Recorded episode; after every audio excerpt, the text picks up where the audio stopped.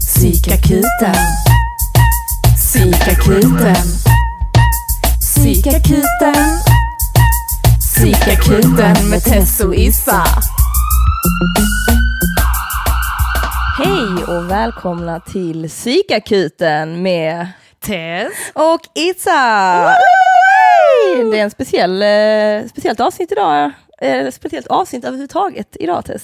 Jaha, är det det? Ja, för vi är på avsnitt nummer 10! Ja! Vi Ja. har alltså tio avsnittsjubileum. Yes, we made it. Ja. Man brukar väl säga så i poddvärlden, om man gjort 10 så är det bara att fortsätta. Precis, Jag precis. Mm. Yes. Jag trodde aldrig vi skulle nå hit. Nej. Vad, tänkte du för katastrofer då?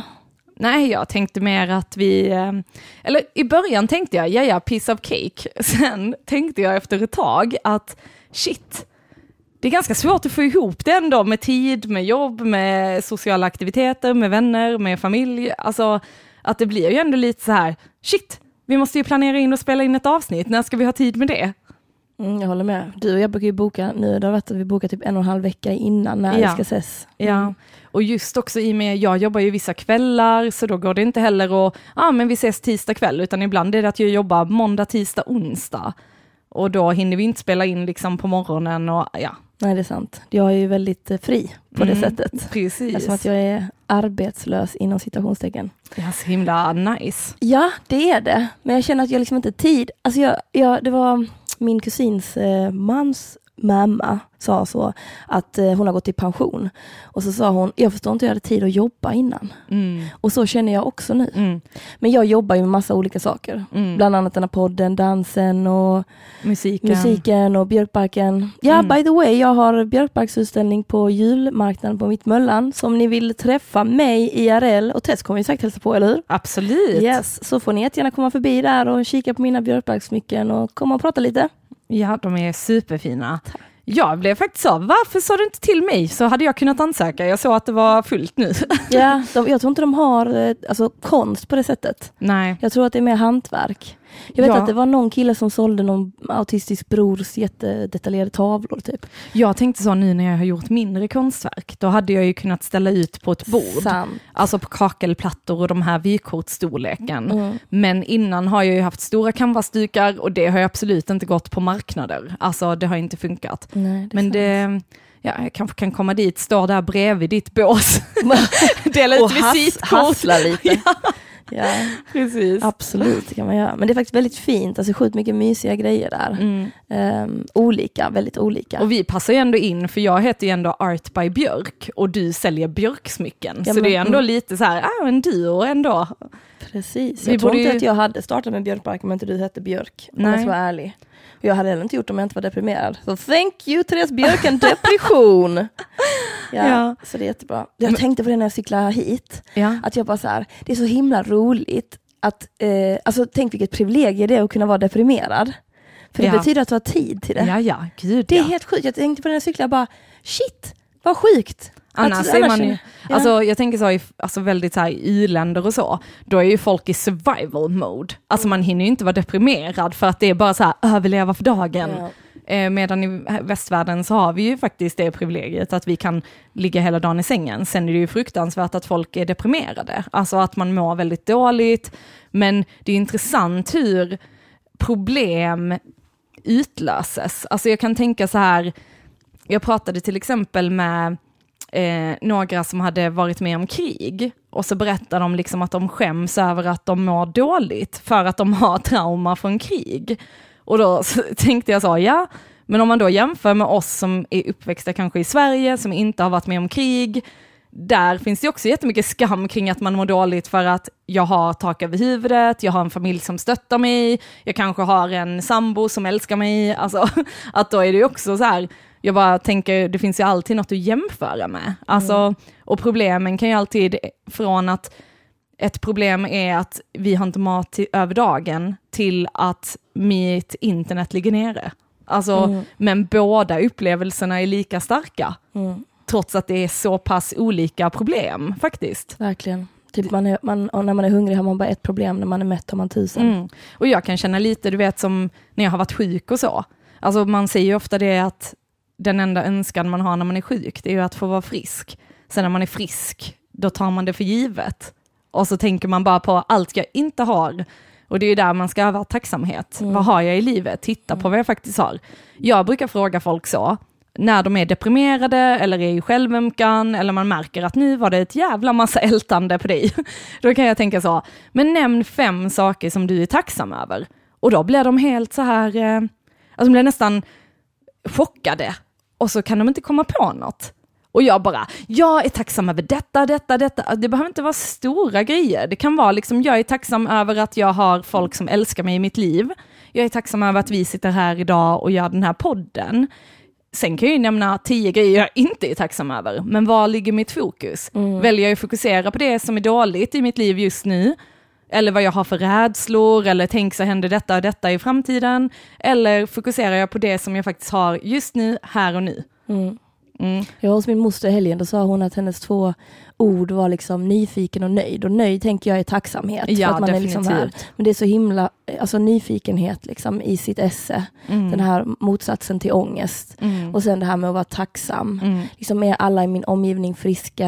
Är jag frisk? Liksom, Klart Mm. att man kan ha någonting som stör en, liksom, men jag andas, jag har fått vakna en dag Mm. till. Det tyckte jag var väldigt intressant i vårt förra specialavsnitt, när vi hade festavsnittet. Mm. Eh, Just den här frågan, varför är det synd om mig? Det var väldigt intressant intressant att höra hur de olika gästerna svarade på det. Ehm, faktiskt, jättespännande. Mm. För det finns ju en skam där med att säga varför det är synd om en. För man vet att man borde vara tacksam. Man borde vara tacksam. Också viktigt att gå igenom de tankarna. Det är synd om mig för detta. Okej, kan jag tänka på något annat sätt då? Mm. Att faktiskt liksom inte trycka bort negativa saker utan Mm. möta dem. Och sen behöver man inte alltid vara positiv. Mm. Utan man kan bara vara lite neutralt inställd till att livet är jävligt skitigt ibland men ibland är det kul. Men det kan inte vara kul utan skit, det kan inte vara skit utan kul. Precis. Och folk säger ju ofta liksom att ja, men allting är så tråkigt. Det måste hända saker, man blir inte stimulerad och vi har ju konstant stimuli. Våra mobiltelefoner, tv, jobb, familj, alltså all, vänner. Det ska alltid hända någonting. Och när folk får en stund över där det faktiskt inte händer något, då blir de helt så, oj, nu börjar jag reflektera, shit, jag kan inte hantera det. Vad, vad, vad gör jag med dessa tänkarna? Vad gör jag med detta? Och att man blir liksom livrädd för sig själv, känns det som. För att vi stimuleras hela tiden, så egentligen känner man sig själv. Har man tid att reflektera över vem man är? Och sen är det så, nej men nu är jag nog deprimerad för att jag känner så här. Nej, det är fullt naturligt att du känner så, för du har inte stannat upp på tio år och reflekterat över detta. Sen är det klart, det kanske inte är jättekul, alltså, men allting kan inte vara jättekul hela tiden. Mm, verkligen. Något som inte är kul, vet du vad jag gjorde idag? Berätta, berätta. Jag gick faktiskt upp, jag var ledig idag, eh, tänkte, oh, nu ska man ta sovmorgon, men så tänkte jag också att, oh, jag ska börja mitt nya liv. Som jag har tänkt väldigt länge nu. Eh, så jag tog tag och köpte yogakort. Och Ja, gick upp klockan sju i morse för att ta mig till yogan klockan nio. Och när jag var där inne, för jag, tänk, jag kommer ihåg att det var nice, jag gjorde ju yoga under liksom de senaste två åren lite då och då och har haft sånt här autogiro men ändå inte gått dit. Och sen så nu tänkte jag, ja men det är bra för mina leder, min kropp, mina muskler, min, eh, liksom, mitt psykiska välmående och så. Eh, och särskilt nu när det är kallt så är det sån här hot yoga, så det är 42 grader inne i rummet och sen är det träning på det. Och så känns det som man gör jävligt mycket i och med att det rinner ju svett från en liksom. Mm. Så, det- för så händer det inte med mig när jag är på gymmet. Nej. Men alltså redan när vi sträckte upp armarna och bara började så röra oss, jag bara helvete vad mina armar väger mycket, shit vad detta är jobbigt. Och blev så här svimfärdig efter första liksom böjningen framåt bara. Och jag tänkte, jag var nära på att börja gråta och bara jag klarar inte detta, jag kommer inte klara det. Men jag höll mig där en timme, så jag är faktiskt väldigt stolt över mig själv. Mm.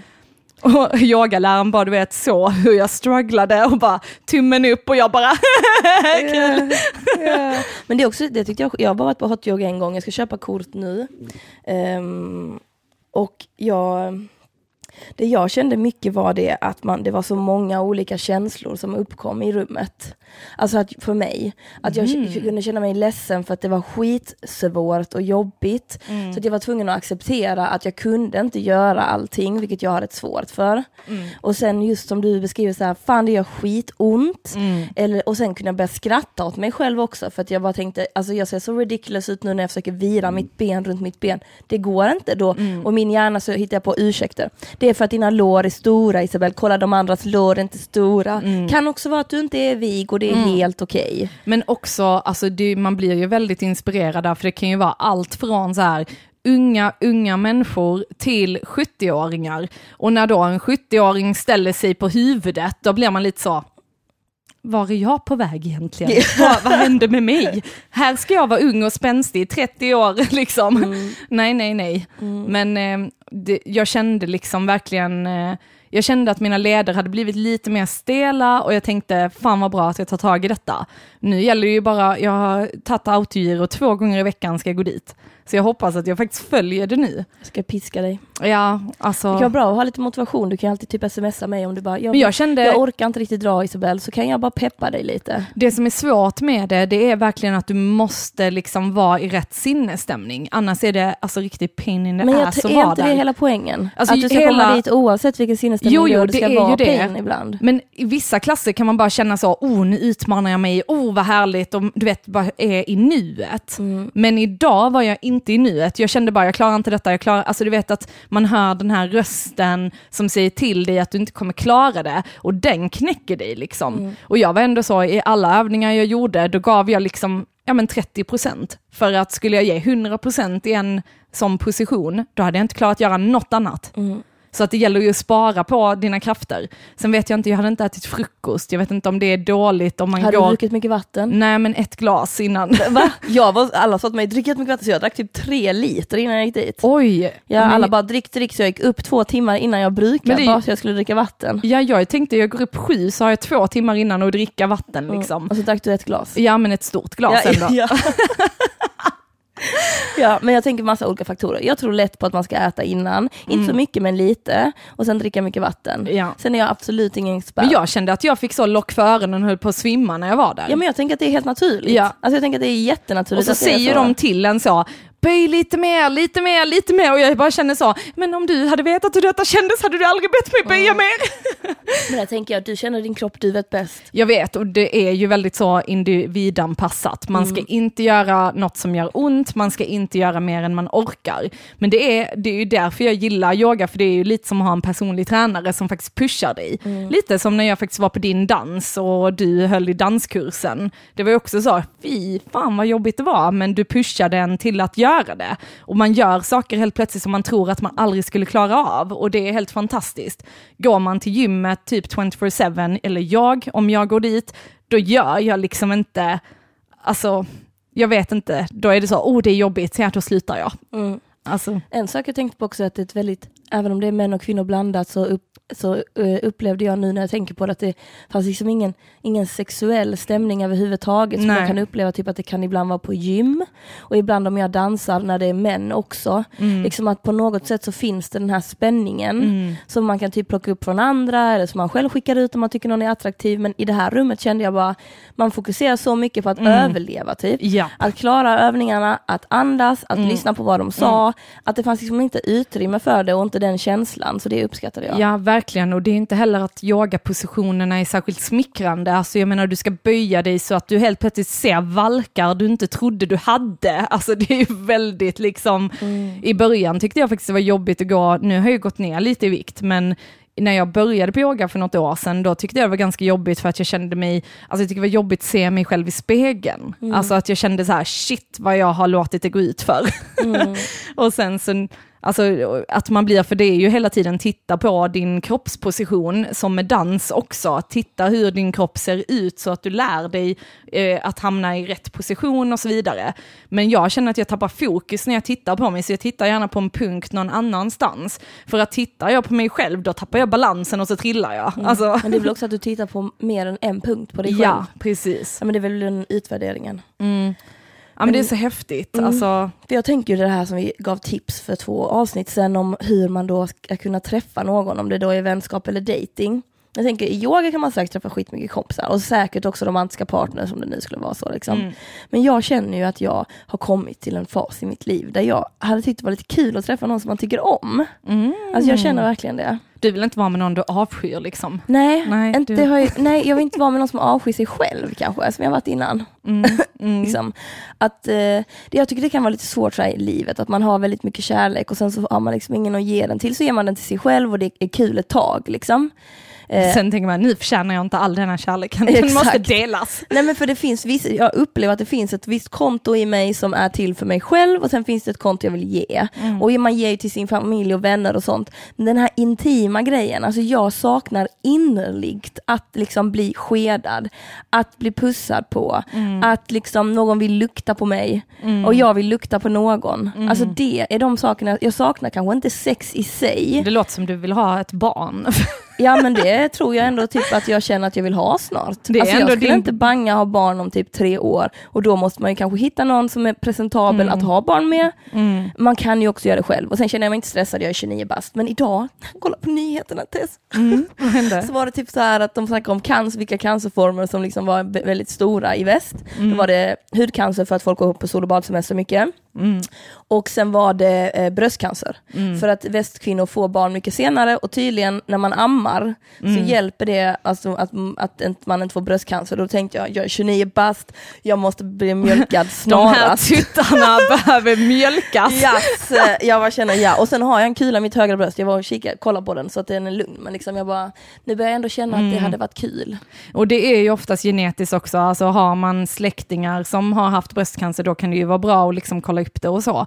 Men jag kan också känna mig nojig med eh, alltså deodoranter, för de, deodoranter med aluminium säger man också är en väldigt stor del till eh, bröstcancer. Jag använder inte deo längre så att that's all. chill. Ja, jag försöker ta kokosolja, liksom. man kan göra egna deodoranter med så här kokosolja, cheasmör och eh, bikarbonat tror jag det är, Mm. eller bakpulver eller någonting. som gör det. Mm. Mm.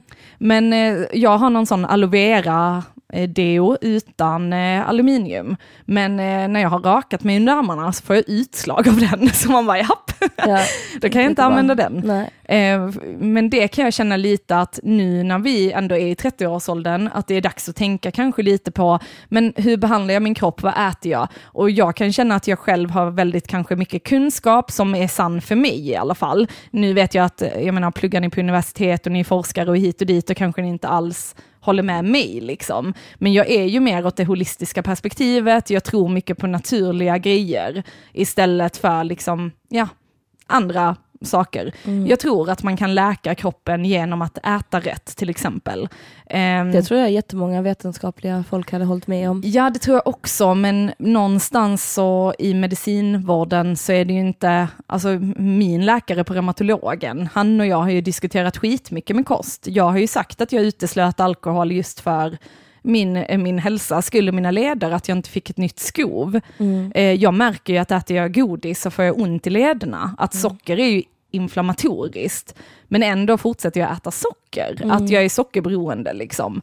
Ehm, och gluten, alltså mjöl, blir ju rent socker i kroppen. Mm. Eh, och jag, hade, jag tycker det är spännande, för till exempel då om man träffar många yogamänniskor, då har de kanske lite mer samma syn på livet som jag har. Eh, men om du träffar, om du är apotekare och umgås med apotekare så kanske man mer har, oh det finns ett piller mot allt. alltså du Ja, förstår men jag vad jag tror menar. ändå att det finns en, en eh, allmän uppfattning om att man ska ge så lite medicin som möjligt. Ja. Och sen klart att man ser någonting och sen så tänker, det känns som att mer och mer inom medicin så fattar man att det kan handla om vad man har omkring sig. Mm. Typ så här, okej, ska jag bara ge dig antidepp? Nej, det kanske jag inte ska göra. Hur ser ditt liv ut? Vem är omkring dig? Vad Mm, hittar du på? mm. Jag har en tjej som går och dansar hos mig som är läkare och hon sa att hon brukar försöka göra nå- någon remiss på promenad eller på yoga. Har du testat det? Liksom? Mm, eller? Och att man hittar de här intressegrejerna. Så då är frågan, vilket intresse ska jag skaffa för att träffa den här personen i mitt liv? Ja, just det, vi kom bort från Hjälp mig. romantiska... Vad ska jag göra? Känner mig men, handfallen. eh, Men jag tänker så, för det första, var inte så desperat. Men jag är inte desperat, det är det som är problemet. Jag är så jävla picky och det är därför jag bara känner så, Ja men jag tänker också så, det Nej. kommer när det är menat att komma. Det finns ju, vill du ha mitt råd eller inte? Ja. Detta kommer bli jobbigt när vi nu ska ha massa lyssnarfrågor och sånt. Bara, folk bara nej, vi vill inte lyssna. Nej men jag tänker så här att det kommer när det är menat att komma. Alltså för mig så kände jag att kärleken kom in i mitt liv när jag hade gjort, liksom, det kändes som jag hade dött och återuppstått. Och när jag började leva igen och inte hade fokus, det är sån jävla klyscha, men när jag inte hade fokus på kärleksrelationer, då kom det också. Men jag Eh. hade inte det, jag har inte haft det. Nej jag vet, du har inte det, men Som jag bara samtidigt... nu, nu har jag inte haft det, så vad är det? Alla bara, åh, alltså det kommer när man minst anar det. Jag har minst anat det nu i ett år. Ja, för sen samtidigt också så här, eh, vill du bara pilla på den? Ja, jag pillar på det. Skärmsläckaren på datorn Test startade. Ja. kan du pilla på mig lite, är du gullig? lite mer, li, lite, lite Högre upp, sådär. Ja, ja. Oh, oh. Oj, oj, oj, nu blev det blött här i soffan. Så jäkla opassande, här sitter jag och ska leka terapeut med dig. Ja. Nej men jag tänker så, varför känner du att du vill träffa någon? Nej, men jag vill ha någon att skeda med. Ja, någon att skeda med, ja. Ja, Men samtidigt så, vad händer när du träffar killar som vill skeda med dig då? De vill skeda med mig för mycket. Mm. De, bara vill, de vill typ skeda mig tills jag inte kan andas längre. Ja, du känner dig Tills de kvävd. dödar mig. Ja. Och det är där jag tänker att oavsett vem du kommer träffa så kommer du antagligen känna dig kvävd. Nej, det tror inte jag. Jag tror jag har träffat fel personer. Ja, fast det kan också vara ju, alltså, du kan ju också ha intimitetsproblem. Ja men det har jag. Ja, precis. Ja. Och det är det jag menar, att när du då träffar någon, då kanske du ska öva på att släppa in de personerna. Även Till om en det inte- sked. Ja, men, ja, precis. Även om det inte kommer vara den personen som du ska gifta dig med och skaffa barn med och hela den biten, Mm. så kanske du behöver bearbeta dina intimitetsproblem innan. Mm. Eller hur? Ja. Har du några tips på hur jag ska göra det då? Ja, men jag vet inte, gå i terapi för det kanske. Terapi, det kostar pengar. Ja, fast samtidigt är det en väl inve- investering. Men det är ju skit att jag har en terapeut här då. Kan Ja. inte du terapeut, terapeuta mig? Jo, men jag bokar samtidigt... in en session om tre dagar. Nej du ska inte göra det, du känner mig. Ja, precis. Man Jag är för nära varandra. Mm. Men för jag bara tänker på hur det har varit. Liksom, du, du har ju en tendens att träffa killar som alltid blir kära i dig. Sånt problem va? Ja. ja, men som blir kära och du vill inte. Men sen om de inte vill, då blir det, väl ändå... Det händer aldrig. Nej, okej. För att jag är för feg. Så att jag kommer alltid gå efter den som vill ha mig. Ja, Eh, jag skulle aldrig gå efter någon som inte vill ha mig. nej. Eller, eller, jag, eller jag vet inte hur man skulle tro det, men, eller så tänka på det. Men det är typ lite som om jag är på Tinder. Ja. Så swipar jag att jag vill matcha. Om vi då inte matchar direkt, Mm. då blir jag så här, ursäkta? Vem tror du att du är? Varför har du inte swipat höger på mig? och sen bara, okej, mm, ja men det är bättre för dig. Mm, du var säkert en idiot. sen är jag dålig på det. Att swipa höger. Mm. Alltså, men det är också skitkonstigt med det här med, med Tinder och sånt där. Alltså jag, jag tror liksom inte helt på det. För jag tror, ehm, det är liksom, ett, jag är mycket bättre i verkligheten än på bild. Mm. Så jag talar ur egen erfarenhet. Och energier, jag vet inte hur mycket jag tror på att man kan känna det genom bild. Mm. Liksom, eller genom konversation. För du kan ju alltid säga det som du tror att personen vill höra. Ja, men det är också bull. Tänk så har man så här, man swipar, man matchar och sen så pratar man i två veckor kanske på Tinder och man känner så här, oh vi klickar så jävla bra. Och sen så bara när man träffar den personen så är det så här att den har en jättekonstig energi eller kanske läspar eller alltså inget emot det som läspar men jag bara menar att det är något så här jätteoattraktivt med den personen som inte har kommit fram genom då bilder och konversation över chatt. Liksom. Mm. Sen å andra sidan, min, eh, en av mina närmsta killkompisar träffade ju en tjej på Tinder och de gifte sig ju för två år sedan. Ja. Så att alltså, You never know. Nej absolut, men det är väl lite det också att om du vill träffa någon så ibland kanske man måste jobba lite. Så vi snackade om den här tipset vi gjorde till någon, att, att, liksom, att man kan inte bara sitta och vänta. Alltså du måste ju Mm. ändå, alltså jag kan inte sitta i min lägenhet och hoppas på att någon ringer på dörren och Mm. den personen, utan att man är lite mer aktiv. Men ja men också att du ändå så här tar, alltså det, jag tror för din del handlar om att du måste våga när det väl händer. Att om du känner dig livrädd för någonting, det är kanske då det är rätt. Det är kanske då du ska göra det. Mm. Istället för att ta de som kommer fram till dig och avgudar dig direkt och du bara, ja ah, men man vet aldrig och sen så vet vi båda att nej, det, det blir inget där. Mm. Men den killen som du kanske inte ens vågar prata med, mm. det är kanske där du ska testa. Mm. Det är sant. Men bra, jag ska ta det lugnt och inte tänka för mycket och leva mitt liv och sen får man se vad som händer. Ja, precis. Jättebra. Du är så himla bra terapeut. Ja, tack så mycket. Tack så mycket. Tack, även om du känner mig. Så du har massa bakgrundshistoria. ja. Terapi med tös. TT. Nej, men det låter skitbra. Jag är mm. jättenöjd. Ja men det intressanta är, vi tänkte ju lite innan vi startade avsnittet att vi skulle snacka lite om romantiska relationer. Liksom. Mm. Eh, inte gå så djupt på kanske allt, men eh, lite grann liksom mer romantiska relationer. Mm. Det är ju svårt att träffa någon Alltså mm. det är ju faktiskt det. Majoriteten är ju inte tillsammans med någon. Nej. Det trodde ju jag. Jag snackade med min morsa om det. Hon bara, Isabelle, alltså de flesta är inte mm. tillsammans, alltså två och två. Mm. För att det är skitsvårt, det mm. är jobbigt och man måste på något sätt jobba skithårt men vissa tycker det är värt det, vissa mm. tycker inte. Mm.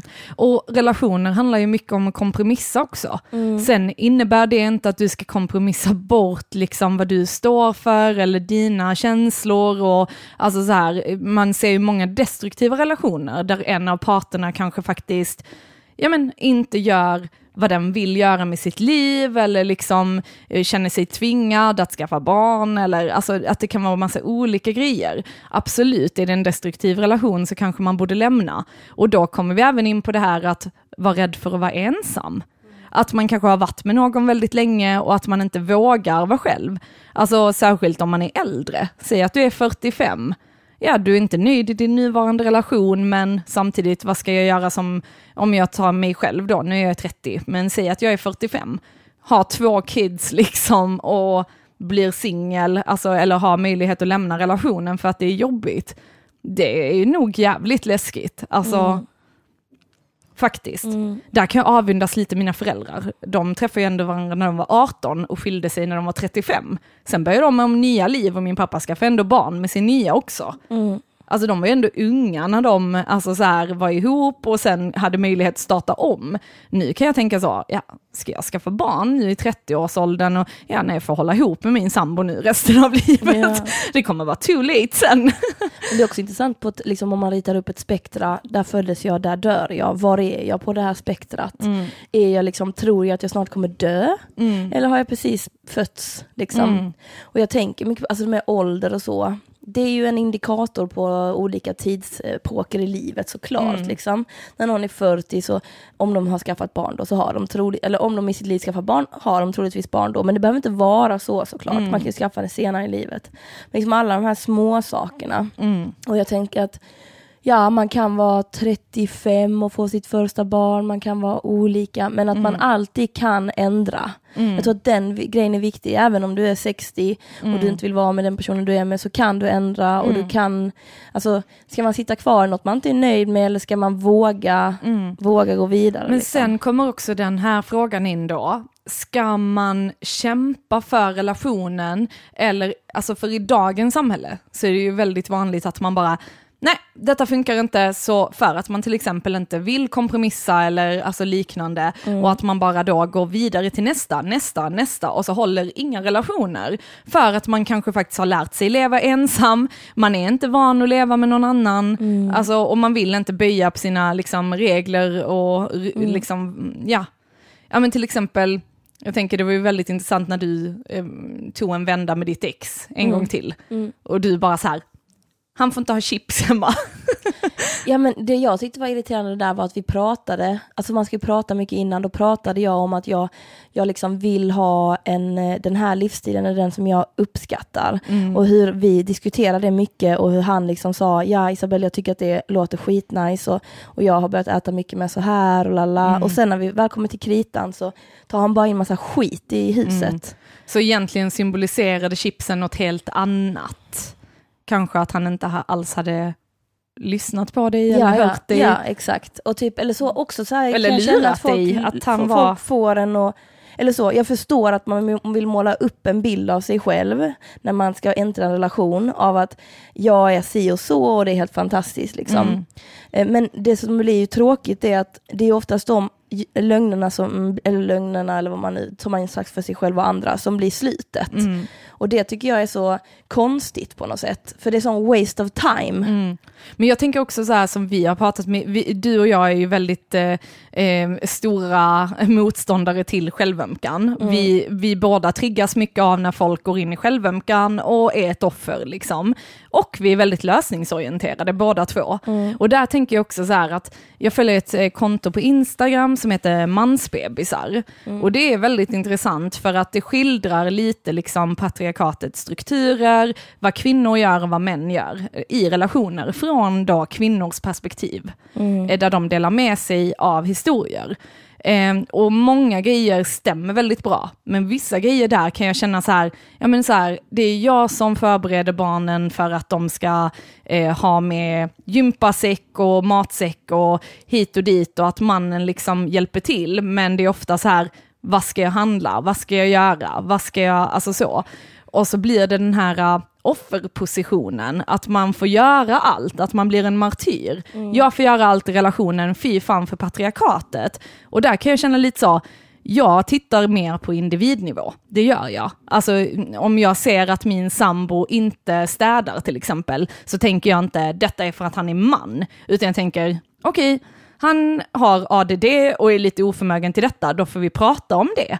Inte att jag bara, nu får jag städa för att han gör det aldrig för att han är en man. Alltså förstår ni vad jag menar? Och sen tycker jag det är intressant med det här med att mannen hjälper till. Mm. Det är ditt hus, det är dina barn. Mm. Det finns inget som heter hjälpa till i ett hem, alltså det kan man kan säga om barnen. Barnen hjälper till hemma. Liksom, men det är ändå, men jag, jag håller med dig, jag tror också att det är väldigt individuellt och att man gärna får prata om det även om det kan vara lite segt så. Mm. Men jag tror liksom att alla människor är olika och det spelar inte så stor roll vilket kön man är. Alltså. Nej, nej, jag Det vet tänker inte. jag inte Sen sån. verkar det ju ändå finnas lite överlag, liksom, alltså till exempel med män och kvinnor, att, ja men, och där är ju frågan, är det för att kvinnor har blivit uppfostrade som barn på ett visst sätt? Alltså förstår du vad jag menar? Eller alltså att vi har fått lära oss att ta ansvar. För det är nog mycket det jag kan tänka mellan män och kvinnor, att många män kanske inte tar så mycket ansvar. Alltså, om det är Men så... de tar väl ett annat ansvar, jag tänker det är väl det man måste diskutera. Mm. Vad tar du för ansvar? Vad tar jag för ansvar? Alltså det är ju jätteskönt att dela upp ansvar, precis som på jobbet. Vi har, den här, vi har det här projektet, projektet heter Vi har barn. Mm. Em, vad, vilka delar av det här projektet är du bra på, vilka är jag bra på? Mm. Liksom, jag tänker om man är två personer som har tummen mitt i handen, det kan ju vara lite jobbigt. Liksom. Mm. Em, att man kanske liksom, och då får man fatta det, okej vi båda två är jättedåliga, okej då får vi ta ansvar för att vi båda två Mm. ringer rörmokaren, du ringer rörmokaren, jag ringer eller ja. Men då på kontot, då kan det vara väldigt att man skildrar istället det här mansbebisar då, att då är det kvinnan som ska delegera uppgifterna. Varför är det alltid kvinnan som ska göra det? Ja, men då tänker jag eh, varje söndag så sätter vi oss ner och så pratar vi om vad som, hur veckan ser ut Mm. framöver. Mm. Så här behöver eh, vi göra detta eller detta. Mm. Och sen så får, sen så, alltså om en person, alltså jag tycker det är rätt konstigt också, om en person aldrig har behövt ta vissa typer av ansvar, då är det rätt konstigt att man helt plötsligt ska tro att de kan det utan Mm. att, alltså allting har vi ju lärt oss. Precis. Och då tänker man få vara lite ödmjuk inför det, Mm. men också vara öppen och ärlig och se till så att man inte hamnar i en position. Jag hamnar ofta i en position från början med mina eh, män där jag, tar, där jag upplever att jag måste ta mycket ansvar Mm. och där jag när vi gör slut så sover jag i flera dagar för jag upplever att jag liksom bär vår relation, vilket jag Ja. antagligen har. Ja. Men det är också mitt fel, ja. för att jag försätter mig i den positionen. Precis. Du behöver inte laga mat för jag kan göra det. Mm. Jag tvättar, jag städar utan att, att ha någon Mm. eftertanke på hur mycket vi gör det. Precis. Jag Och liksom jag att kan känna det- lite, alltså sen jag började jobba så har jag tagit mycket mindre ansvar här hemma liksom. Och det är min sambo som går ut med hundarna varje dag, alltså jag går knappt ut med dem liksom. Eh, vi båda har gått med på att skaffa hundar. Eh, och sen så jag städar inte, jag lagar inte mat, alltså jag fixar typ inget. Och då känner jag mig skitdålig, för det känns så här, shit jag hinner inte med att göra det som egentligen ska göras. Sen har han ju ett jobb som tillåter att han faktiskt är hemma om dagarna så att han kan göra det. Men det är konstigt att man känner den här eh, skulden över att man är otillräcklig typ. För att man skulle vilja jobba 100% och sen ta hand om hem och hundar och sånt tillsammans med sin kille, inte att man ska göra det själv, men just den grejen. Men du är inte heller en tankeläsare. Jag tänker att om man är i en relation och någon eh, tycker att det inte är det inte står rätt till eller man har någon önskan och något behov, då måste man ju liksom, Prata om det. Ja. ja, absolut. Och då tänker jag att då, alltså vi säger att din kille nu då tycker att det är skitjobbigt att han måste ta allt ansvar hemma, då får han ju säga det till dig så får mm. du ju lägga om så att du kan liksom underlätta på mm. något sätt eller att du säger du, jag är ledig på onsdag. Detta är ju mitt, ja, och detta är ju mitt huvud när vi har pratat om det så han bara sa va, vad pratar de om? Ja. För att då, det är jag som känner mig otillräcklig. Men jag tänker också på det att många människor kanske är så här, ja men jag är sån, jag bryr mig inte om detta, eller jag pratar inte känslor, jag är sån som är så här. Mm. Och det är också en alltså, vanlig fälla att gå i. För att ja, bara för du alltid har varit en sån som inte pratar känslor exempelvis, så betyder inte det att det behöver fortsätta att vara så. Vi har ju mm. alltid möjligheten att utvecklas. Och det är ju det som är så jäkla fantastiskt.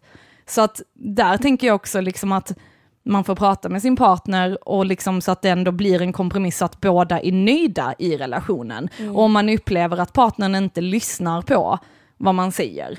Du och jag har ju snackat mycket sex och sådana grejer, att det kan det är ju skitjobbigt när man blottar sig och känner, alltså, och berättar för sin partner ens behov mm. och den inte möter det till jag exempel. Jag tycker alla behov, vare sig det handlar om sex eller mm. är skitjobbigt för mig att ta upp. Jag tänker att man, alltså när, men det är väl så, om, om du vill älska så måste du vara, vara beredd på att bli sårad. Mm. Det går liksom hand i hand. Mm. Så det är väl det man är rädd för. Om jag uttrycker, och det är också tidigare upplevelser mm. jag haft, liksom, men om man uttrycker då, du, jag skulle vilja att, alltså det kan vara allt från att jag skulle vilja testa detta i sängen eller eh, jag skulle önska att vi lagade mat varannan dag. Båda de två sakerna när man tar upp det kan man ju få helt olika respons. Personen mm. kan ju bli arg, den kan säga nej, den kan skratta åt dig, den kan mm. massa, massa, massa saker. Men tycker du att det är lika jobbigt att fråga, kan vi laga mat varannan dag, som att säga, jag vill att du ska ta på mig mer? Ja.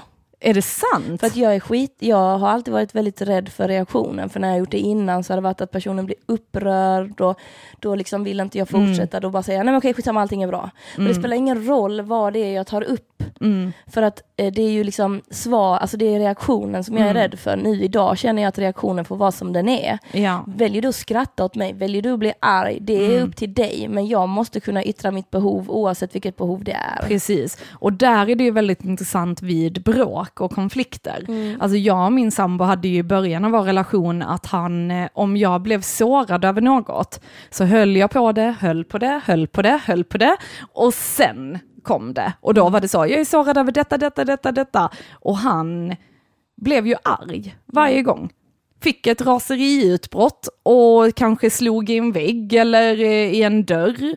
Och jag blev så, oj, oj, oj. Den reaktionen var jag inte, för det jag ville ha av honom var ju bekräftelse. Att jag älskar dig, jag vill vara med dig. Alltså, jag behövde bekräftelse. Det var därför jag tog upp syftet liksom.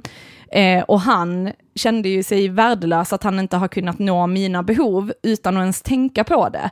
För han har trott att allting har varit skitbra och då känner han sig värdelös, eller kände sig liksom. Mm. Och blev arg och frustrerad. Och det var ju väldigt intressant för att då pratade vi om det att okej, okay, jag måste säga när, så fort jag känner att någonting är fel eller jag blir sårad över något, då måste jag ta upp det direkt. Och då sa jag, ja men då får du lova att inte bli arg när jag säger det. För att jag vågar inte ta upp det om du ska bli arg, för jag vill inte att vi ska bråka liksom. Och också det här att för honom handlar det om att han känner sig otillräcklig. Och för mig handlar det om att jag är osäker på om han vill vara med mig. Så vi båda sitter med andra grejer som det handlar om, men vi vågar inte prata om det det egentligen handlar om, mm. utan då blir det att man pratar om de små grejerna. Till exempel vid svartsjuka om man pratar med sin partner om vem fan är den personen du har pratat med? Och då blir det ju en anklagelse. Du har gjort fel, har du varit otrogen? Vad har du gjort? Alltså, men egentligen handlar det om att man känner sig rädd för att bli lämnad kanske. Mm. Om man då säger till partnern, du, jag känner mig livrädd för att du ska lämna mig.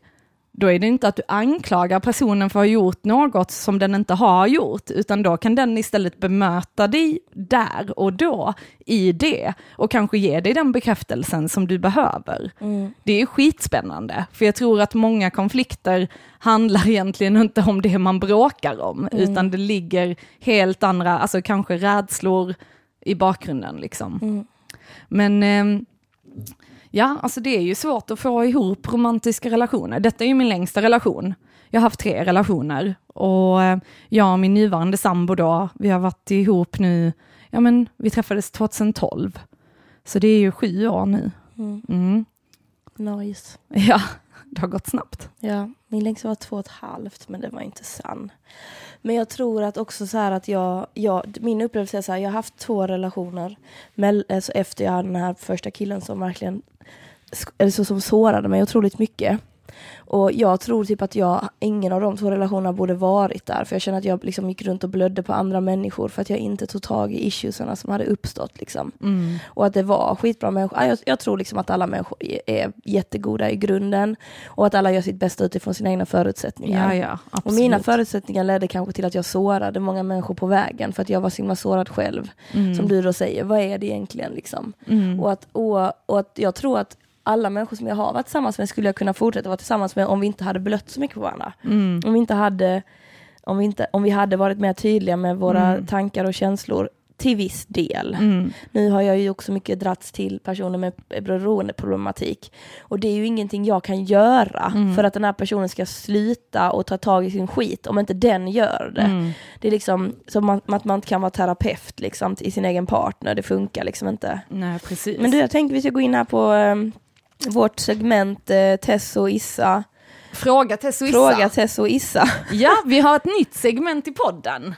Yes. Vi har haft det en gång innan och det handlar ju om att eh, detta är ju en podd som heter Psykakuten och handlar ju om vissa problem som får en liksom att ja, grubbla över livet och göra att man känner sig psykiskt sjuk i vissa fall. Mm. Ehm, och då är det ju att våra lyssnare får möjligheten att skicka in frågor till oss eller skicka in sina problem för att vi kanske ska kunna ge dem en lösning på detta i och med vi är så lösningsorienterade. Precis. Det är alltid skönt att kunna prata med någon som inte riktigt vet någonting mer än om just den här situationen så att man inte Mm. lägger in massa värderingar. Liksom. Och vi alla har ju olika erfarenheter av saker och ting. Ehm, Mm. ja. Så ja, så veckans lyssnarfråga är från en person som eh, har varit tillsammans med eh, sin nuvarande partner i ett och ett halvt år.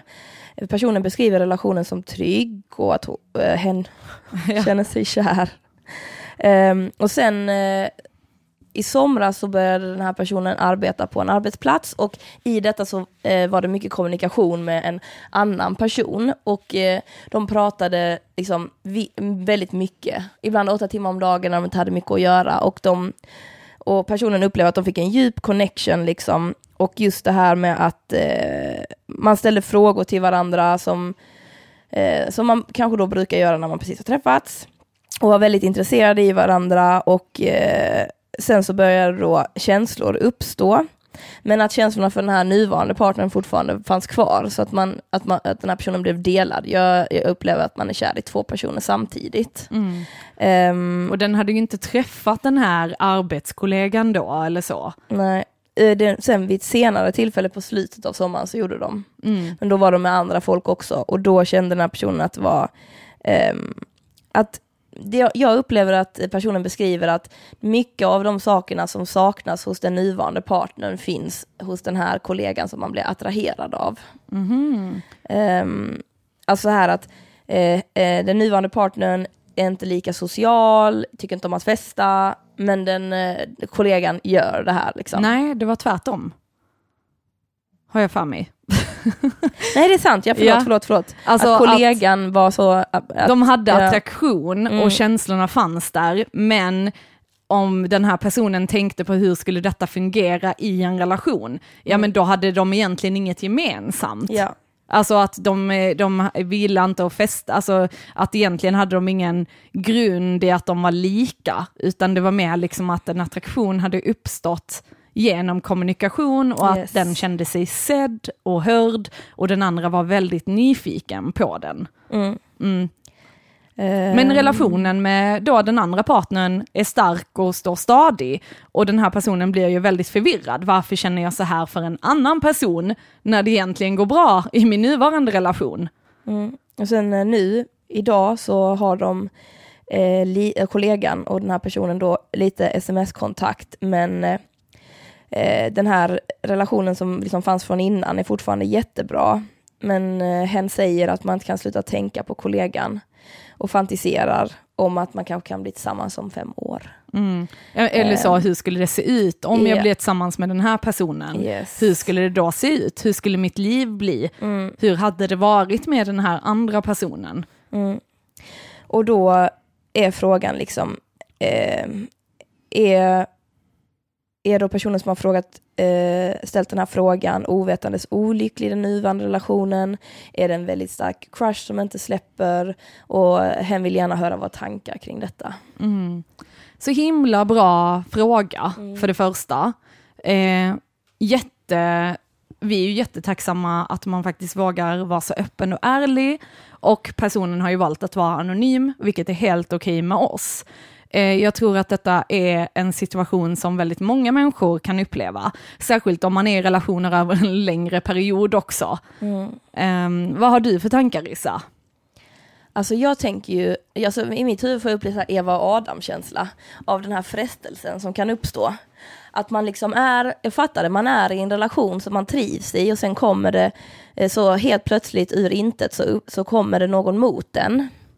Som, eh, alltså det jag hör den här personen mycket säga är att, den, att den, det är ett behov som uppfylls som den inte ens visste att den hade. Det här med typ att ställa frågor och vara närvarande och så. Men, mm, eh, och det är ju skitnice att man får bekräftelse. Det är är det jag tänker att det är. Eh, och att på något sätt, alltså man kan se det lite som ett test som är jättesunt. För att det är sunt att tvivla, det är mänskligt att tvivla. Men det jag förvånas av, liksom, eller som jag tycker är väldigt coolt, är att ehm, hen beskriver att den fortfarande är jättekär och vill vara med sin nuvarande partner. Och där funderar jag mycket på det här med behovet som, som uppstod, som den här andra människan uppfyllde. Är det någonting som man då kanske vill ha? Det man kanske känner att i den nuvarande relationen så ställer inte min partner några frågor till mig. Och jag saknar det. Är det då någonting som jag kan in, väva in i min nuvarande relation? Att det är kanske någonting jag vill ha? Ehm, och på något sätt se de här utifrån sakerna som någonting som man kan bygga in i sin nuvarande relation. Och att det är helt naturligt att bli attraherad av andra människor. Ja, alltså jag har ju varit med om en liknande situation. Eh, och jag har alltid varit en person som har eh, varit väldigt svart eller vitt. Alltså särskilt när det gäller så här med attraktion till andra och hela den biten att är jag i en relation då tittar jag inte åt någon annans håll. Jag skickar inte ut sexuell energi. Jag är liksom väldigt stenhård med sånt och blir väldigt provocerad av andra människor som gör det när de är i relationer för att jag känner så, nej, nej, nej, det där är inte okej. Eh, men jag var också med om en liknande situation där det faktiskt kom in någon via studier och så, eh, som bara liksom bekräftade en och var intresserad av en och jag tyckte ju att det kändes jättefel samtidigt som jag gillade det väldigt mycket. Och då blev jag också så, men vad fan hände nu? Alltså, för jag hade det också bra med min dåvarande partner då. Och jag förstod inte varför, varför hände detta liksom? Och jag kommer ihåg att jag pratade med min pappa om det och han bara, ja nu förstår du hur det är när man har varit gift i liksom 30 år, att det är liksom en jävla gråzon, det är inte svart eller vitt. Eh, och där tänker jag också, vad var det jag behövde? Alltså att det var antagligen något behov jag hade som jag inte ens var medveten om. Att jag behövde bli sedd, att jag behövde ha bekräftelse. Eh, och det var inte att min dåvarande relation då var liksom dålig, den var jättebra. Men antagligen var det ju någonting, alltså jag såg det också lite som ett test. För där hade jag också möjligheten att, ska jag lämna denna relationen jag är i? Varför känner jag för någon annan person? Eh, för att det känns ju fel att känna någonting för någon annan när man är i en relation med någon man faktiskt älskar och vill vara med. Så att det är ju skitsvårt för att man blir förvirrad av de känslorna. Tänk om det är helt naturligt. Precis. Helt naturligt att det här Men uppstår. för mig när detta hände så hade det aldrig hänt förr. Och Mm. därför blev man, jag förstod inte, för jag tänkte också så, okej, jaha, men någonting är ju fel i så fall. Fast ingenting var fel egentligen. Men då pratade jag med min partner om det, för att jag ville liksom, jag ville, jag tänkte att det kanske också kunde röra sig i att, eh, ja men att jag ville liksom att min partner inte skulle ta mig för givet. Det kunde också vara en sån grej, att jag gillade att få den bekräftelsen och lite göra, alltså detta låter ju jättebarnsligt nu, men alltså göra min partner svartsjuk, faktiskt. Mm. För att jag ville känna att han skulle få svettas lite, att han ska inte ta mig för givet, för det, det finns minsann och dag andra Ja, som, ja, ja. Alltså även om jag visste att han älskar mig och ville vara med mig. För att jag sa ju till min partner då att eh, ja, men jag ska gå ut och fika med den personen, jag tror att han gillar mig, är det lugnt för dig? Och jag hade gärna hört ett nej, det Ja. är inte okej. För hade det varit jag så hade jag inte tyckt det var okej om min Mm. partner gick ut och fika med någon tjej som eh, var intresserad av honom. Mm. Då hade det varit så, varför vill du ha den bekräftelsen? Mm. Och det finns ju olika sätt att få bekräftelse på. Jag menar vissa står på en scen, andra liksom kanske är kungen på jobbet liksom.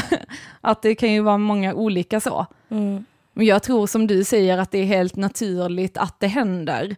Eh, och att man får värdera kanske då liksom, ja men vad är det jag har i min nuvarande relation som jag uppskattar?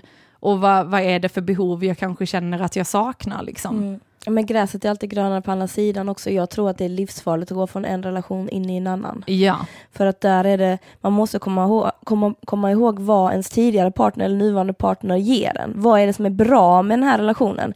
För det kanske är någonting som den andra personen inte kommer ge dig. precis. Så att du inte hela tiden hoppar för att du får det du inte får här. Men då kanske du, en massa andra bra Mm. grejer försvinner. mm. Men jag kommer ihåg en gång när jag var ihop med en kille, vi hade liksom ingen, ingen sexuell relation överhuvudtaget. Jag vet inte riktigt vad det beror på hos honom liksom, men det var liksom inte på, på kartan att han ville ha sex och jag kände, jag kände mig så himla oattraktiv efter ett tag. Mm. Och sen var jag ute någon kväll och då var det en kille som liksom så här Ja men jag fattar ju nu efter det var precis det behovet han försökte uppfylla hos mig och jag var så otroligt nära på att vara otrogen eller hångla med honom eller whatever. Men liksom att han, jag vet inte om han kunde läsa det eller undermedvetet, men han liksom verkligen skickade det som jag bara önskade att jag fick av min partner. Mm.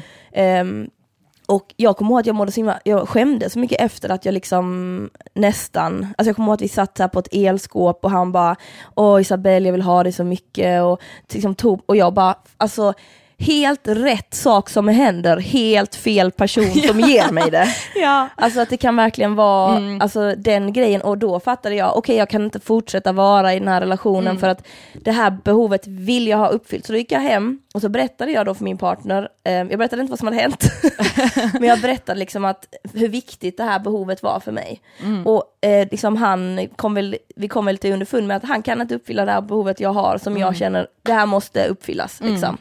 Så att man får liksom välja lite så, att man kan fråga om ens partner kan uppfylla det. Om man inte kan, ja, kan man då vara med en person då som uppfyller det här behovet och vi kan fortsätta vår relation.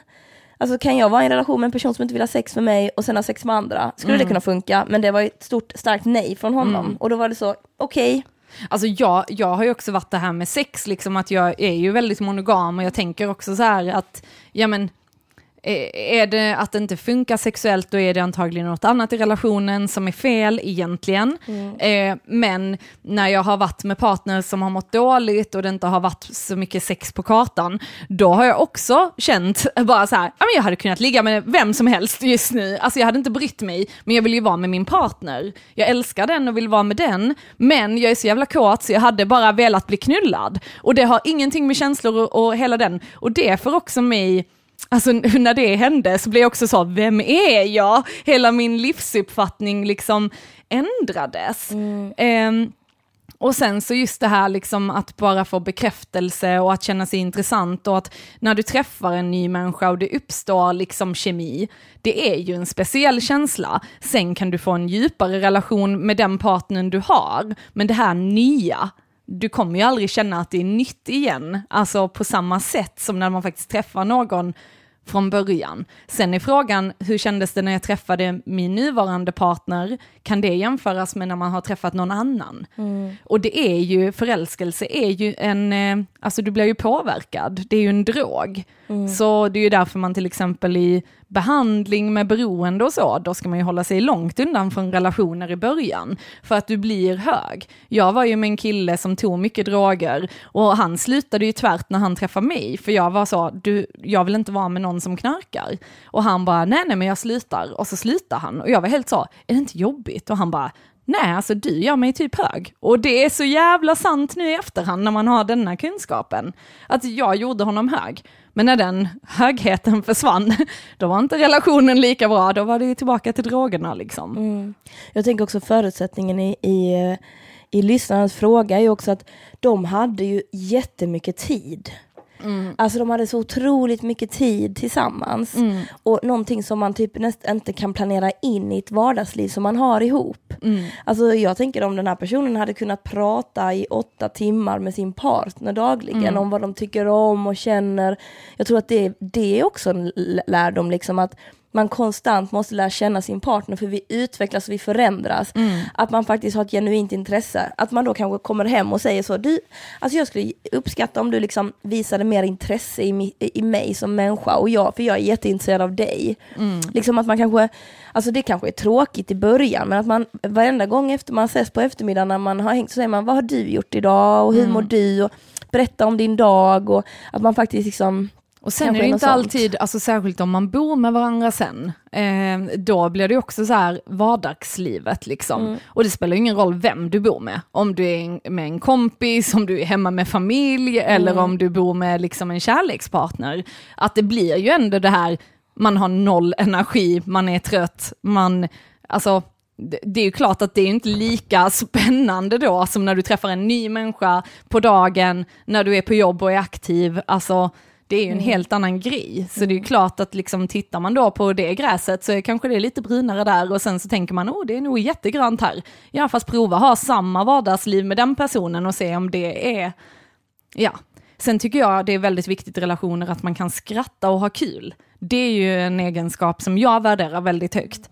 Eh, vilket jag kan störa mig på så här kärleksfilmer och sånt, där det bara är så här, oh, Twilight, stark passion. Man bara, fast ni har skittråkigt ihop, Va, vad fan händer? Mm. Nej men alltså att hitta på grejer, alltså en relation måste man arbeta på. Om man sitter still och tror att det ska bara naturligt falla sig på plats, det gör det inte. Mm. Och det ska inte vara en person som arbetar på relationen, utan båda får göra det. Och skapa minnen ihop, liksom. det är mm. väl det man kommer leva på sen också. Mm. Det är därför man har så kompisar från jätte, jättelångt bak i tiden. Mm. Då träffas man så pratar man om saker som hände 2004. Men det är lite som att det är en trädgård som måste vårdas hela tiden. Liksom. Mm. Och det är samma sak med vänskapsrelationer som vi har haft uppe. Mm. Och det finns ingen deadline. Jag tänker om om man nu fortsätter i den relationen som finns nu, som eh, lyssnaren har skickat, liksom, om det är den relationen, alltså du bör, du, man behöver inte bestämma sig nu. När man vet, vet man. Mm. Man vet i hela jävla kroppen att det är mm. dags att gå vidare. Mm. Och sen kan jag också säga den här sms-kontakten som fortsätter mellan de två. Jag tror att det är jävligt bra att avbryta den. Mm. Om och, och sen är det helt okej okay att fantisera. Jag tror det är jättebra att fantisera.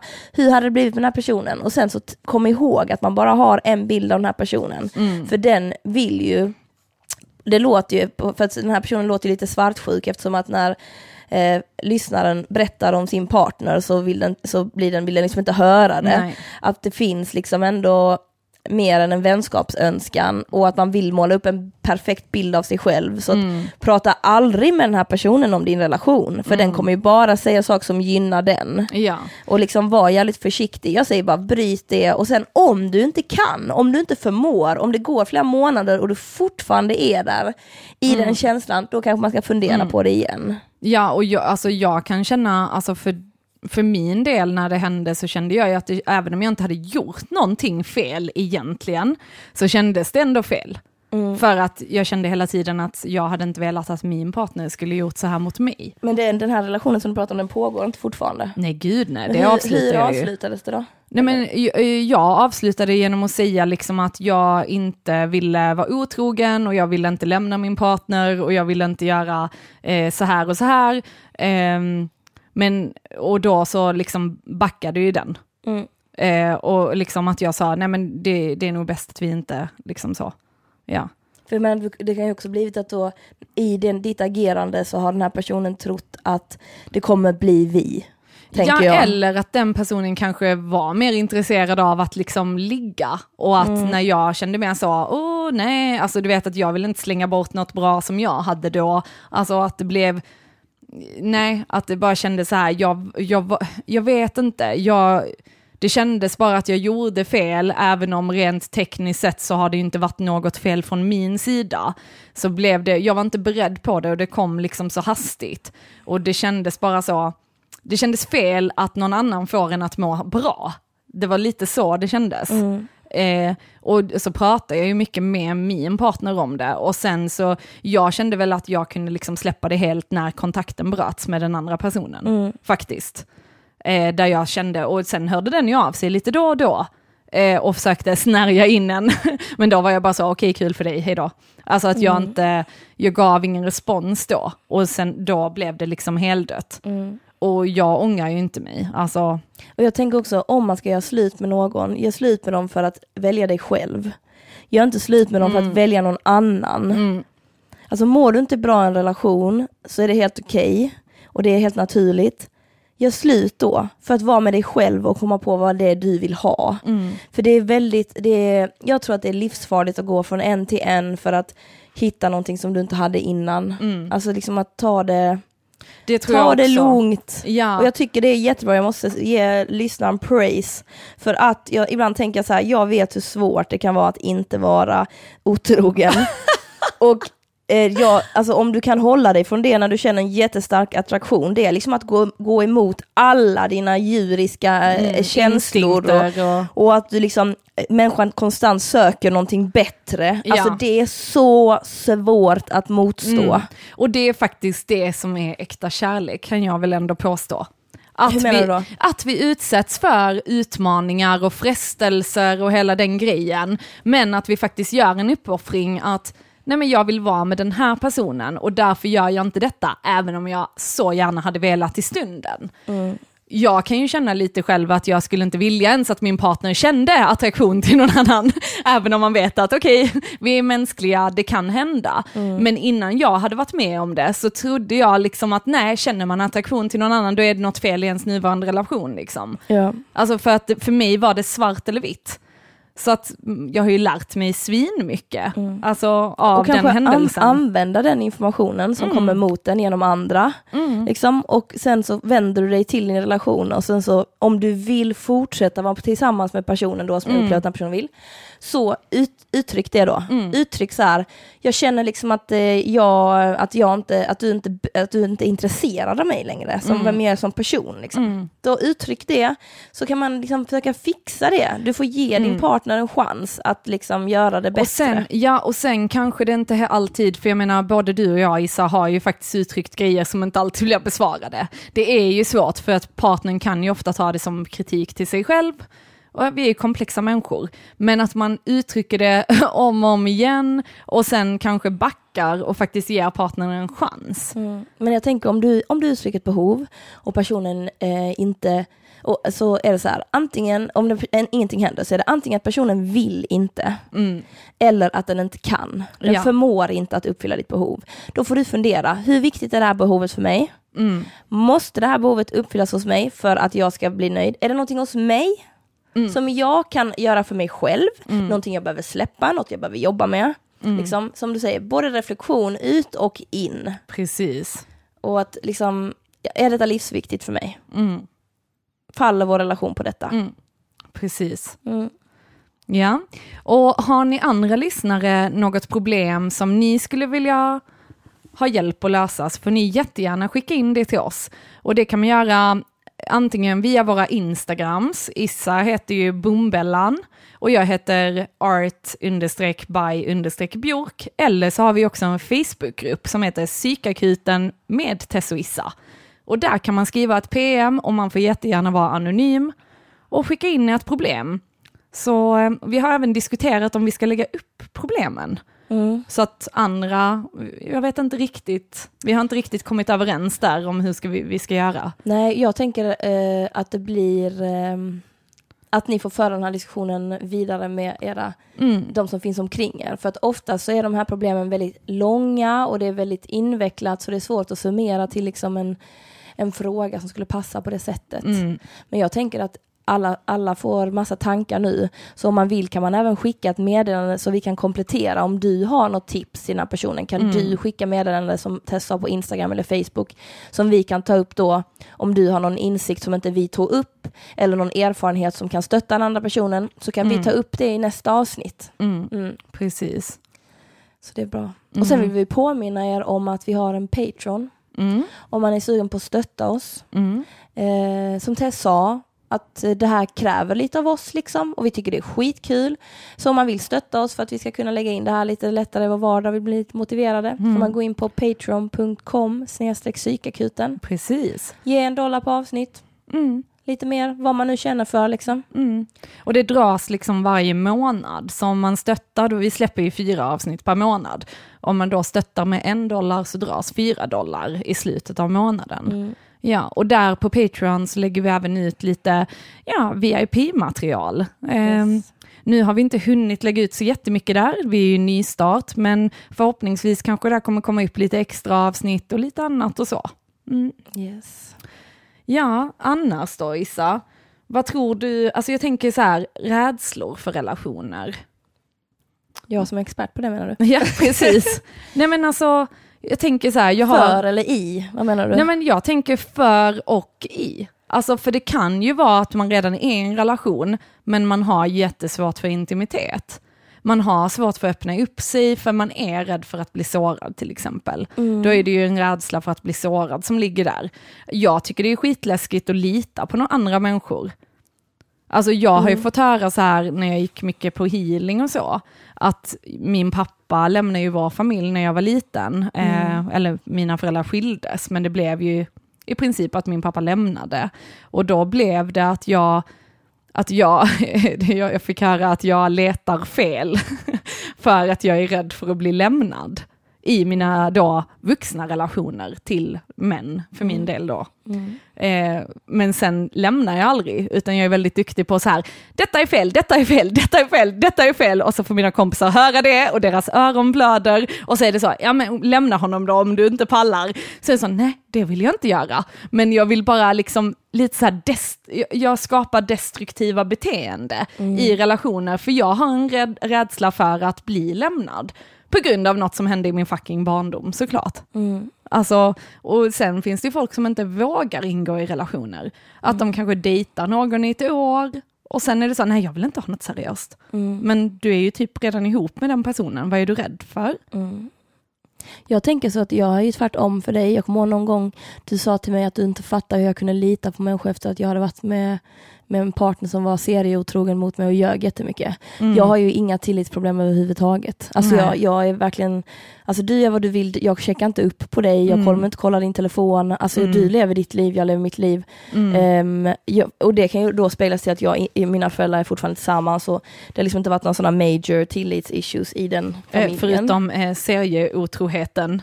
Vadå? Ja men det har ju ändå varit ett stort trauma Jaha, tänker jag. Jag tror du menar mina föräldrar. Ja, jag nej. bara va? Det gör det.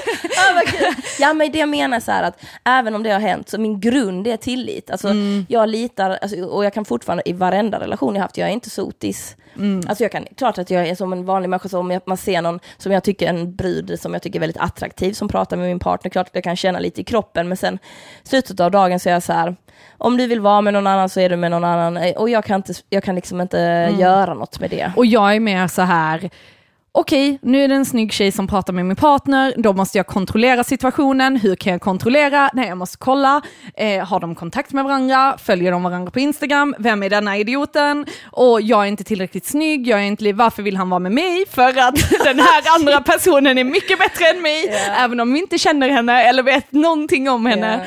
Yeah. Eh, det har jag jobbat med ja. väldigt mycket faktiskt de senaste åren. Särskilt nu när man har varit i en lång relation som ändå har varit stabil. Liksom. Mm. Men i början av vår relation så var det inte stabilt kan jag berätta. Mm. Mm. Men det, det, det, det, är den grejen jag menar att jag inte alls har. Ja. Jag har ju med den här att jag känner att om jag ska träffa någon så måste jag berätta om vad som har hänt. Och det tycker jag är skitjobbigt, för, jag, för att när jag berättar vad som har hänt så känner jag, jag har ju problem med att, med att eh, vara sårbar för att jag fortfarande kopplar det till en svaghet. Liksom. Mm. Och att jag då, jag är fullt medveten om att när jag, jag har inte gjort detta med någon av mina partners efter den första. Jag har ju aldrig berättat vad som hände. Inte ingående och vad jag upplevde. Och det mm. tror jag verkligen jag behöver göra mm. för att det ska kunna uppnå en intim nivå där jag kan liksom där mitt beteende blir förklarat på något sätt och där man mm. berättar för varandra. För jag hatar att vara den personen som, som um, alltså jag vill inte vara, jag, vill inte, jag är inte henne längre som liksom tillät det ske, så upplever mm. jag. Jag är inte henne och så måste jag berätta om det och då på något sätt måste jag möta henne. Mm. Alltså här, innan Isabella. Och jag älskar henne. Jag tycker hon var jättefin och naiv och underbar. Liksom. Mm. Men sen samtidigt så blir det typ som att jag kan uppleva att när man berättar sånt så får man en stämpel på sig att det liksom, man är en sån person som valde att stanna kvar i en sån relation och varför lämnar du inte? Jag, jag är orolig för att de frågorna kommer komma upp istället mm. för att någon bara lyssnar, tar in eh, beter och går vidare. Mm. Än att det på något sätt ska bli som en jättebig deal. Mm. Så jag tror det är nog min rädsla att, att personen helt plötsligt tittar på mig själv, alltså som ur ett liksom ömkande. Ja, att de och tycker synd om ja, dig. och det är det värsta jag vet. Jag vill inte att någon ska tycka mm. synd om mig, men jag är fullt medveten om att jag måste berätta det. Mm. Sen har jag inga problem att, att lyssna på andra människors bördor och ta emot dem i det och så. Mm. Så det jag försöker tänka är så här att ja men Isabel du har ju inget problem att höra det, så mm. då kommer antagligen den andra personen inte ha det heller. Mm. Men det är väl någon känsla jag har. Sen är jag väl så himla rädd för att hamna i en relation som jag gjort innan, där folk försöker kontrollera mig. Mm. Att det är liksom så här, ja, men att jag successivt skalar av intressen för mm. att den här mm. personen kan inte hantera det, för den är sotis, mm. eller den har problem med sig själv. Mm. Och, för det, ja. de människorna som gör så, eh, för jag är ju den personen i mm. så fall, eh, och vi är inte onda människor vill jag bara säga.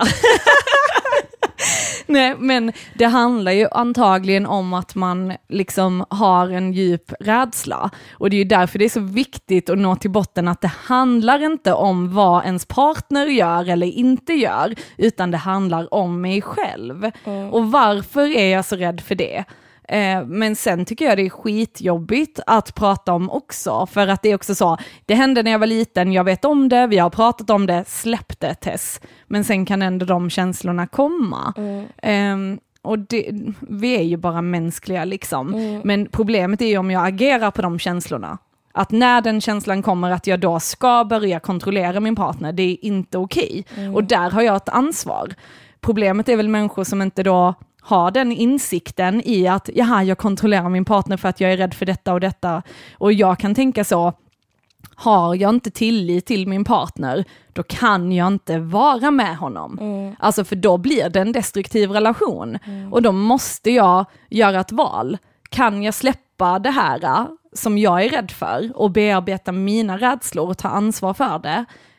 Eller behöver jag göra slut för att jag uppenbarligen inte kan? Alltså, och det, det är ju därför det är ju hela tiden ett pågående arbete. Liksom. Sen är det klart att vissa partners kanske söker bekräftelse från andra. Alltså säg så här att du har en partner som håller på, alltså nu med telefoner och grejer. Alltså det är ju sjukt mycket så här Snapchats hit och dit och Instagram och alltså du vet, ja det, det, blir väl svårare att lita för att även om man inte träffas räknas det som otrohet. Alltså tar du emot nakenbilder på någon annan? Är det, alltså... Jag tänker också, hur lite tror du om dig själv om du håller på och fixerar vid sådana här grejer? Mm. Alltså hur, hur lite tror du på att du är värd att vara tillsammans med om du håller på så här? Vad menar du nu? Alltså så här, med Snap, alltså jag kunde inte bry mig mindre. Jag kommer inte bry mig vem du snapchattar, vad, vad du instagrammar eller whatever. Mm. Alltså för Men jag, jag är alltså- inte rädd för, skillnaden tänker jag så här, jag är inte rädd för att bli lämnad. Mm. Jag har skitmycket, jag har skitmånga. Vill inte du vara med mig, var inte med mig. Mm. Alltså liksom att jag tycker bara det är en självklarhet. Får du nude pics, gratulera till dig, ha så kul med dem. Alltså Men jag, du hade inte alls haft ett problem med det? Alltså om du, om du var i en relation med en partner och sen så, alltså jag kan tänka så här, eh, nu, nu vet jag ju inte detta för att jag har ju faktiskt lagt mitt kontrollbehov åt sidan helt. Men jag tänker så här, att om det skulle komma fram att min partner hade fått till exempel så här, ja men tjejer som skickade nakenbilder eller de flörtade på internet eller någonting. Så är det så, ja, han har inte gjort något fysiskt, han kanske inte har träffat den här tjejen, men han upprätthåller ändå någon slags relation över internet och sen inte har berättat det för mig, då kan jag känna så, varför vill du dölja det för mig? Alltså du vet att jag kan bli osäker då på vad, vad händer här? Sen hur kanske fick man reda på det från första början? Nej men jag vet tänker inte, det, det kanske, jag vet inte, men om man får reda på det. Ja, om Eller man får du vad reda jag på det får man väl ta itu med det då. Ja men hade du tyckt så, det var "Hej, okej? jag bara- Tänk så, jag undrar varför du gör så. Jag vill väl veta varför. Det finns Ja. ju uppenbarligen Men ett om, behov hos min om personen partner. säger så, ja men jag är väldigt osäker och behöver mycket bekräftelse. Då säger jag så, "Ja, okej älskling, är det någonting jag kan göra liksom? Vad är det, no- är det någonting som du saknar? Mm. Kan du berätta det för mig då? Mm. Alltså som jag berättat någon gång, men här, att liksom, min första kille klagade på att jag aldrig var svartsjuk. Och då Mm. lekte jag ju att jag var svartsjuk. För att jag tänker han gillade, sen gillade han inte, det var inte det han ville. Nej. Så det är liksom den grejen, vad är det du egentligen, vad är det jag inte ger dig? Okej, vi skulle nog inte vara tillsammans, så, så det var ju bara Mm. bra att det tog slut liksom. Men alltså, ja. Jag, För det är ju skitsvårt nu med gränser, tänker jag, med internet. alltså jag vet, jag bara känner, jag bryr mig, gör vad fan du håller på med där. Och du är kanske en annan person på nätet som inte jag känner. Ja. Jag vet inte, jag känner typ så, alltså kommer du fucka upp det, kommer du fucka upp det och då gör du det. Ja. Men jag känner inte så att jag vill inte veta varje gång någon har skrivit hej, jag tycker du är snygg, är du singel? Varför skulle jag behöva, den informationen är helt onödig för mig. Jag litar på min partner, min partner vet var gränsen går, Ehm, man kan prata om gränsen. Ehm, Den här partnern sen som då här- inte existerar. Ja, men så, exakt, den här drömpersonen. Ja. Nej men alltså så, man får prata om det, vad, är det okej att man, om man nu bryr sig så jävla mycket om sånt, Ja. får man för fan prata om det då. Ja. Alltså jag tänker typ att det är helt okej, jag ger gärna min partner bekräftelse. Mm. Jag äger inte rätten till, till din, din bekräftelsebank. Mm. Alltså om du är till exempel på ett fik och hon i kassan, eller han i kassan bara flörtar satan med dig och du bara spelar lite mer på det. Du behöver liksom inte spela mer som att du bara, och du då? Yeah yeah! Utan liksom så här, ja tack så mycket, du ler tillbaka. Mm. Du behöver inte vara sån som en jävla parerande person mot hela världen. Nej, du får inte prata med mig för att jag, jag är upptagen, jag är upptagen. Man bara, ja okej jag log åt dig, ta det lugnt, andas Ja, djupt. ja. Liksom. Och jag tror att det ligger hos en själv. För jag tänker mycket att, ja men säg att någon flörtar med en och om jag skulle le tillbaka, då tänker jag att jag uppmuntrar det och det är fel. Och det är väl helt okej att uppmuntra lite flirting, det är väl Nej, inget jag, problem jag med det. tycker, nej, inte om jag är upptagen. Varför ska jag uppmuntra andra då till att... You eh, sound like all my exes. jag känner så här, bjud på det, bjud på det. Mm. Alltså om Men det din kanske handlar vill lite vara om- med dig så kommer de vara det. Ja, ja, men jag tänker att det kanske handlar lite om- hur man är som person liksom. Ja, ja, men då tänker jag det grundar ju sig i en, eh, en trygghet som du uppenbarligen känner att du inte hade, den här tillitsgrejen. Ja. Min, Men jag min- tror det är min många sig- människor som inte har den tillitsgrejen. Jättemånga, absolut. Ja. Ja. Men jag då tror det är jag det väldigt- handlar ju om dig. Men jag tänker det är väldigt ovanligt antagligen att man är så som du är. Ja. Om du tittar på dina kompisar. Mm. Eller så handlar det om vem som har så här makten liksom. Ja. Alltså jag vet inte vad det grundar sig i, eh, utom att jag känner, den, den känslan jag kan tycka är att jag känner så här, jag har så många, det är okej om jag förlorar en. Mm. Jag har så bra grund, det spelar ingen roll. Mm. Det finns inget som kan, som kan fälla min grund. Fast tänk då om du har en partner, du har gift dig, ni har ett liv ihop, ni har barn ihop. och sen så söker den bekräftelse utifrån och pratar kanske inte med dig om det, döljer det, sen kanske den inte liksom har gjort något, men det hade ju kunnat leda till att den... Men hur i helvete ska jag stoppa det här? Nej, nej, det kan du ju inte, men Nej, det är ju en rädsla. Då är det väl ingenting att tänka på? Alltså jag kan tänka ibland så att jag är så rädd för att bli sårad att jag kan tänka nej, nu har detta gått för långt. Nu har det gått sju år, det är lika bra vi gör slut för det kommer inte hålla ändå. Alltså att jag kan bli så rädd att jag liksom är för sårbar. Mm. Även om jag är väldigt lätt till mina känslor och lätt att prata om mina känslor, så kan jag ändå bli så rädd för, ja men tänk om vi har barn sen då? Och tänk, ja, så kommer han komma där med sin nya, något sån här fangirl som är ung och så här snygg och så ska hon vara styvmamma till våra barn. Men där har du problemet. Ja. Så tänk, så tänk, ja, så tänk, så skit i det och tänk inte. nej, Alltså, men det är det jag menar. Ja. Men de flesta människor tänker kanske. Ja, men de kanske ska sluta med det. Alltså jag tänker så här, jag vaknar idag, idag är det bra med min partner, jag väljer varje dag om jag vill vara ihop med min partner eller inte, min partner väljer varje dag om den var med eller inte, precis som vänskap, vad som helst. Det får vara så en dag i taget, precis som tolvstegsprogrammet. Exakt, men det är ju Ja. svaret i hela livet, att vara i nuet. Ja. Alltså jag kan inte kontrollera en utopisk framtid eller där vi har det fantastiskt. Jag kan inte kontrollera att eh, min partner lämnar mig när jag är 65. Mm. Eh, Jag, kan inte, jag, kan- jag kan inte veta någonting av detta, så jag tror starkt på Lägg inte energi på det då. Mm, Och sen, ja, jag förstår att vi kommer från olika platser och det är olika lätt och svårt att komma dit. Mm. Liksom. Men eh, till exempel som den här första partnern jag var ihop med. Alltså det kanske fanns tusen saker jag skulle kunna göra så att det inte blev som det blev. Men det fanns ju aldrig i mitt huvud att det var så. Därför så lever jag lycklig i den relationen mycket och jag tar med mig jättemycket från den. Självklart när det kom fram uppstod det en enorm känsla i mig att jag inte var nog. Att det var jag som var problemet. Att jag borde gjort detta och jag borde varit så och si och så. Men sen i slutet av dagen så är det så här, jag är jätteglad att jag har tillit till människor. Jag är skittacksam för att jag har den egenskapen. Och jag önskar den till alla. Sen kan det framstå som naivitet. Nej, det tycker inte jag. Nej, men jag har fått höra det mycket. Du tycker inte det, tack Tess. Men liksom att, alltså jag, jag tror inte på att man kan kontrollera andra, eftersom att jag också är en person som oftast eh, folk försöker kontrollera, så är det också någonting som jag tycker är superviktigt att ge till min partner. Liksom, det är du gör din grej, jag gör min grej, jag litar på dig. Och sen så tycker inte jag att ehm, jag ser inte otrohet som en sån här skithög mur med taggar där det liksom bara... Utan jag kan känna typ så, okej du gjorde detta, vill du fortfarande vara tillsammans? Det är väl det som är den egentligen frågan om man skulle upptäcka att någon varit otrogen mot, mot en. Vill du fortfarande ska vara vi? Varför ledde det fram till att du gjorde detta? Ah, nej men jag känner liksom att du, du ser inte mig längre. Nej okej, okej jag förstår dig. Då tänker jag, då kunde man pratat om det innan det hände. Ja men ibland, vi är människor, ibland händer saker, vi hamnar i situationer. Du har en kollega på jobbet, ni flörtar satan, sen är det julfest, ni är lite fulla, oj oj oj, lite hångel på toaletten, ah fuck, du vaknar med ågren dagen efter, berätta för din partner. Du jag hånglade, ja varför, vad var det som du, varför drogs du till den här människan? Ja men för att han, för att vi pratar alltid och han berättar för mig om sina känslor och du berättar aldrig om dina känslor för mig, så då tyckte jag det var attraktivt. Okej, ja men då kan jag försöka öppna det.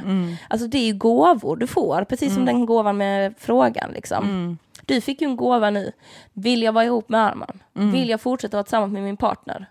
Ja, du tog ett aktivt val där. Jag vill det. Det är ju så jävla fantastiskt. Varenda gång någon skriver till Arman så han, väljer han alltid dig. Ja. Han väljer dig varje Men vi dag. lever ändå i illusionen att ingen skriver till honom.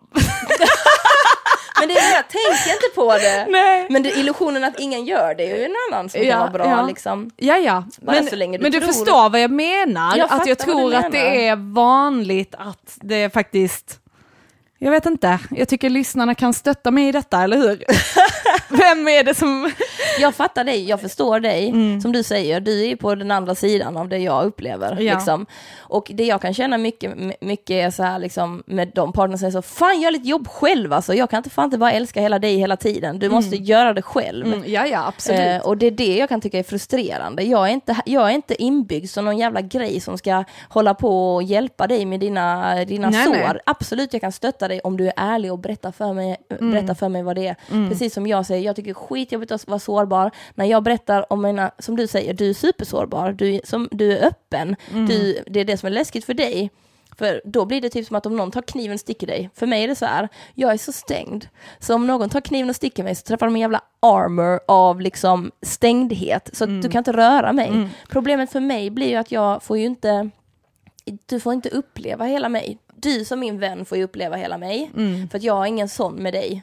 Jag går inte runt och tror att du ska såra mig varje dag Mm. genom att skriva till Carro och säga hej Carro vill du hänga? Och bara, Tess har inte skrivit till mig. Alltså Ja. det är inte samma sak. Mm. Så jag menar det är ju det fantastiska i sårbarheten som du beskriver. Mm. Det blir ju en enorm rädsla för att bli sårad.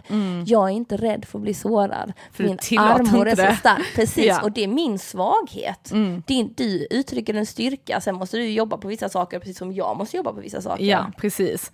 Men det är ju väldigt intressant liksom att, för det gör ju också att, alltså jag tänker att när du träffar killar eller ja, tjejer, jag vet inte.